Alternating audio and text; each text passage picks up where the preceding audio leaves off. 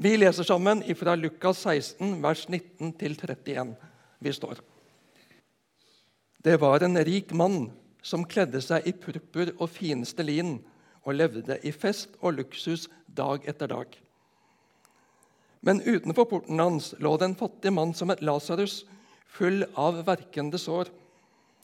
Han ønsket bare å få mette seg med det som falt fra den rikes bord. Hundene kom til og med og slikket sårene hans. Så døde den fattige, og englene bar ham til Abrahams fang. Denne rike døde også og ble begravet. Da han slo øynene opp i dødsriket, der han var i pine, så han Abraham langt borte og Lasarus tett inntil ham.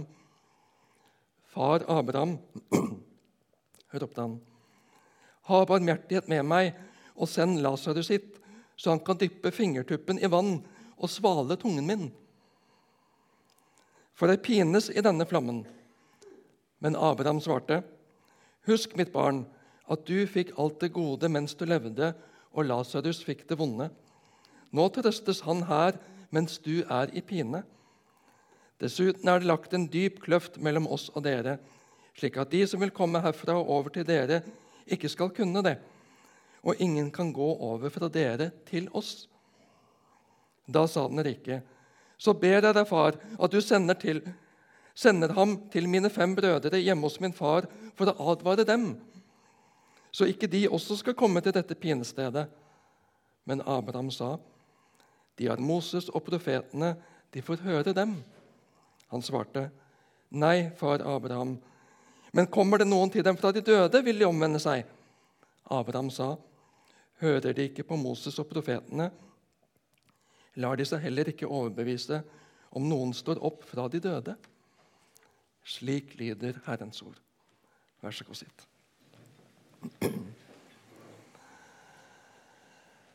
Jeg kjenner at det er ubehagelig å lese denne lignelsen av Jesus. Det er litt for lett å leve seg inn i den, også i Kristiansand i 2021. Og jeg kommer ikke godt ut. Samme hvor alminnelig og gjennomsnittlig jeg vil like å se på meg sjøl. Selv om lønningene i Misjonssambandet er beskjedne og nøkterne og skal være det, så kommer jeg ikke fra at jeg er en rik mann. Om jeg er velkledd, kan sikkert diskuteres, men det skyldes ikke økonomi. i hvert fall. Og lever i fest og luksus? Tja Jeg lever jo ikke et utsvevende liv i festing, men du så mye luksus vi tar for gitt som en selvfølge, de fleste av oss her i Norge. Og vi har folk rett utenfor, på gata, i nabolaget, i markens, som lever under helt andre forhold. Jeg er utrolig glad for at vi har noen blant oss som har funnet tilhørighet i Misjonshuset når de er her i byen, selv om forskjellene er veldig store men hjertestanden overvinner gapet. Og det er det som er det avgjørende til syvende og sist hjertestanden. Men der hjertet er, lever den ikke godt med urettferdige forskjeller. Og det ubehaget må vi stå i. Det ubehaget må vi aldri døyve eller forherde oss i forhold til. De urettferdige forskjellene må vi aldri bli vant til å akseptere, men be og arbeide for å gjøre noe med. Alle skal ikke være like. Langt ifra. Vi er skapt forskjellige og skal være forskjellige. Vi skal ikke være like, men utfylle hverandre. Men vi må aldri akseptere urettferdighet men be og arbeide til beste for alle mennesker. Vi trenger politikere som kan ta beslutninger og organisere samfunnet på en klok måte til beste for alle. Vi trenger næringsliv og kulturliv som ivaretar helheten.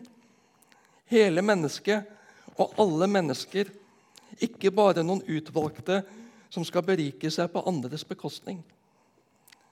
Vi trenger alle å være mennesker som lukker andre inn i hjertene, ikke utenfor. Men det er så mye nød og elendighet rundt i verden. Det nytter ikke for meg å gjøre noe med alt det. Jeg blir tullerusk av all elendigheten. Jeg makter ikke å ta det inn. Og så hører vi om bakmenn og organisert kriminalitet, utnytting og korrupsjon. Hvordan skal vi egentlig vite om det hjelper? La oss be om varme, myke hjerter, kloke hoder og villige hender og føtter. Så jeg ikke blir overmannet av egoismen. Så jeg ikke blir kald og kynisk. Jeg har lyst til å skyve hele tematikken fra meg. Det er for vanskelig. Det er for krevende. Det er for overveldende. Det er skikkelig ubehagelig. Men jeg kan ikke. Jeg må ikke stenge det ute og bli forherdet i min egen behagelige, beskyttede boble. Hvor er hjertet mitt? Hva er det egentlig som teller for meg? Er det alt jeg skal ivareta av egne ting, vaner og privilegier og mine nærmeste, min pensjon, min framtid? Eller har jeg hjerterom for dem som ikke bærer mitt navn, som ikke hører til min flokk? I Paulus andre brev til Timoteus, kapittel 3, vers 1-5, så leser vi Du skal vite at i de siste dager skal det komme vanskelige tider.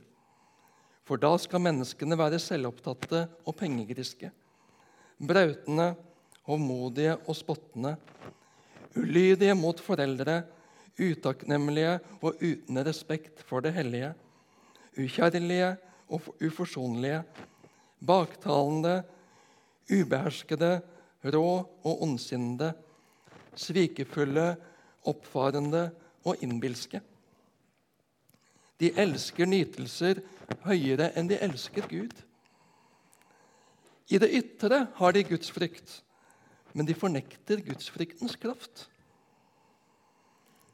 Og Jesus sier i Matteus 24, fra vers 11.: Mange falske profeter skal stå fram og føre mange vill. Og fordi lovløsheten tar overhånd, skal kjærligheten bli kald hos de fleste. Men den som holder ut til enden, skal bli frelst. Og ordspråkene 4.23.: Bevar ditt hjerte framfor alt du bevarer, for livet går ut fra det. Gjør det lille du kan der hvor Gud har deg satt, står det i en gammel sang. Det forunderlige er at nettopp det vil være med å bevare ditt hjerte. Nettopp det vil være med å bevare mitt hjerte. Ikke bare se, ikke bare bli overveldet og ikke gjøre noe med det. Men finne de små og store ting jeg faktisk kan gjøre for å gjøre livet litt bedre for noen andre mennesker. Det er ikke uten grunn at vi har ordtaket 'den største gleden man kan ha, er å gjøre andre glad'. For da er jeg i kontakt med det jeg ble skapt til. Til fellesskap, til nærhet, til fortrolighet, til samvirke. Vi hører sammen, vi i Misjonshuset, ja, men alle mennesker. På avstand legger vi best merke til forskjellene. Men når vi våger oss nær, våger å spørre og lytte, ta inn det andre menneskets historie, da skjer det noe med meg. Da ser jeg medmennesket i deg. Ikke bare en skremmende fasade. Om den er for pen og striglet og vellykket til at jeg i utgangspunktet kan identifisere meg med deg, eller om den var forfillete og medtatt, eller piercing og tatoveringspreget til at jeg ville eller våget å nærme meg deg. Og se det skapte og gudelskede mennesket i den andre. Gud elsker det mennesket like høyt som han elsker meg. Det må få sige inn og røske tak i meg. Når jeg bygger murer og skjuler meg, ikke bare én eller to koronametere, men mil etter mil, for jeg vil ikke, jeg våger ikke å slippe nær. Bevar ditt hjerte framfor alt du bevarer, for livet går ut fra det. Ja, vi skal gjøre det lille vi kan. Ingen kan gjøre alt, men alle har det privilegiet å få gjøre noe. Nettopp for å bevare sitt hjerte og kjenne at 'jeg er en del av noe større'. Vi er her for hverandre. Samtidig så skal vi ikke bli så oppslukt og forblindet av alt i denne verden at jeg glemmer at dette bare er som en parentes å regne. 90 år, hva er det i forhold til en evighet hvor 10 000 år bare er en forsiktig begynnelse? Hva vil jeg investere i? Kortsiktig gevinst eller langsiktig liv, trygghet og tilhørighet? Vi lever her og nå. Vi er plassert her og nå.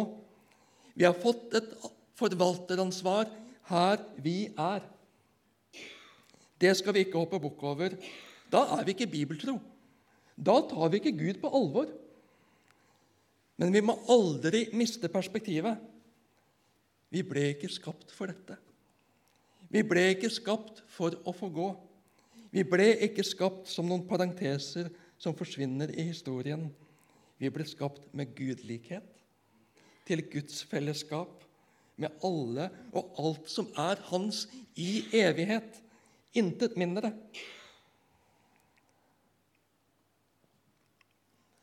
Memento mori. Husk at du skal dø. Etter tradisjonen stammer uttrykket fra det gamle Roma. Når en hærfører vendte hjem etter en stor seier, holdt han sitt inntog gjennom byen fram til Forum Romanum, stående i en stridsvogn mens han mottok folkets hyllest. Triumftoget besto ellers av troppene hans, fornemme krigsfanger og krigsbytte. Bak på vognen, bak triumfatoren, sto en slave som hadde to oppgaver. Å holde seierskransen av laurbær over hodet hans og til stadighet minne ham på at selv om han var seierherre i dag, ventet en ny dag i morgen. Slaven gjorde dette ved å minne Herren om at han var dødelig, ved å hviske 'memento mori' i øret på ham. Husk, du skal dø. Denne rike mann i Jesu lignelse husket ikke på at han skulle dø. Han var opptatt av å nyte livet for sin egen del og hadde lite blikk for fattige Lasarus utenfor porten. Løshundene hadde mer omsorg for Lasarus enn den privilegerte, rike mannen på innsida av porten. Og en dag fant denne rike seg selv i dødsriket, der han var i pine. Og ironisk nok er det først nå denne rike mannen har blikk for fattige Lasarus. Ikke for Lasarus sin del, men hvordan han selv kan ha nytte av Lasarus. Send Lasarus hit, så han kan dyppe fingeren i vann og svale tungen min, for det pines i denne flammen. Nei, det er for seint. Når døden er inntruffet, da er valgets tid forbi. Og det tror jeg er Jesus' største poeng med lignelsen. Det er nå du må se. Det er nå du må forberede deg på det som kommer. Det er nå du må velge. Hvordan du skikker deg her i livet, har evige konsekvenser. Det er nå du kan velge. En dag er det for seint. Alt dette sier Jesus til de jødiske lederne. Pengekjære som de var, står det få vers over vårt avsnitt. Jødiske ledere som støttet seg på at de var Abrahams barn. De tilhørte Guds utvalgte folk. De var jo innenfor, selvfølgelig. Men i Jesu lignelse er det Abraham, den utvalgte, jødenes far, som er han som den rike henvender seg til, og som svarer, Husk, mitt barn, at du fikk alt det gode mens du levde, og Lasarus fikk det vonde. Nå trøstes han her mens du er i pine. Dessuten er det lagt en dyp kløft mellom oss og dere, slik at de som vil komme herfra og over til dere, ikke skal kunne det. Og ingen kan gå over fra dere til oss. Hvordan har Abraham kommet dit? Fordi han var fattig og elendig? Nei, fattigdom frelser ikke. I 1. Mosebok 15,6 så leser vi Abraham trodde Herren, og det ble regnet ham til rettferdighet. Abraham hørte Guds kall. Han tok imot Guds kall. Han trodde Gud. Han fulgte Gud. Og når Abraham skulle ofre det ultimate offeret, svarer Gud, 'Spar ham.' Se her, jeg har selv tilveiebrakt offeret. Abraham så stykkevis og delt. Han hadde ikke den hele og fulle forståelse av Jesus, Guds sønn, som skulle fødes til jord, leve et syndefritt liv og ofre sitt liv, ble korsfestet, drept, til soning for alle menneskers synder. Men han trodde Gud. Han stolte på Gud. Det var den avgjørende forskjellen. Abraham feilet og falt. Han var feig flere ganger, men han trodde Gud. Han stolte på Gud, og det både preget og ledet livet hans. Det er Abraham som svarer at det er en dyp kløft mellom Abraham, hvor Lasarus har kommet, og den rike som levde for seg selv i tro på seg og sitt, der han er i pine. Kløften er uoverstigelig. Valget er tatt, og det har evige konsekvenser. Men den rike er vant til å få viljen sin, og han er vant til å bruke makt. og Han gir seg ikke. Og nå høres han jo nesten from ut. Så ber jeg deg, far, at du sender til mine fem brødre hjemme hos min far, for å advare dem så ikke de også skal komme til dette pinestedet. Men Abraham sa, de har Moses og profetene, de får høre på dem. Han svarte, nei, far Abraham, men kommer det noen fra de døde, vil de omvende seg. Abraham sa, hører de ikke på Moses og profetene, lar de seg heller ikke overbevise om noen står opp fra de døde. Mine brødre må få en sjanse. De må få en advarsel, et under, et mirakel. Det vil vekke dem opp. Da vil de tro. Nei, det er ikke slik, sier Abraham. Et under vil ikke hjelpe dem. At det kommer noen fra de døde, vil ikke hjelpe dem. Hører de ikke på Moses og profetene, så lar de seg heller ikke overbevise om noen står opp fra de døde. Jesus gjorde under og mirakler. Johannes kalte det tegn, tegn til tro, for at folk skulle se og forstå. Noen trodde, men mange ikke. Det skjer fortsatt mange under og mirakler i verden. Og i ulike deler av verden så blir det til tro, omvendelse og vekkelse. Men i vår vestlige verden, vestlige, rike del av verden, skjer det mindre. Hvorfor er det slik? Jeg tror at Gud gjør få mirakler i vår del av verden fordi det ikke vil bli til tro. Det kan bli litt sensasjon. Det kan bli artig underholdning, en fin historie. Men folk vil ikke tro. De finner en annen forklaring, eller de trenger ingen forklaring. Det er mer mellom himmel og jord enn vi forstår. Men så tar de ikke skrittet og lytter til Gud, bøyer seg for Gud, fatter tillit til ham, omvender seg til ham i tro. For de trenger ham ikke i egen bevissthet. De har det så godt som de har det. De mestrer livet. De får det til selv. Og det som eventuelt gjenstår, det skal de nok få til om de står på og tar tiden til hjelp. De er sin egen herre.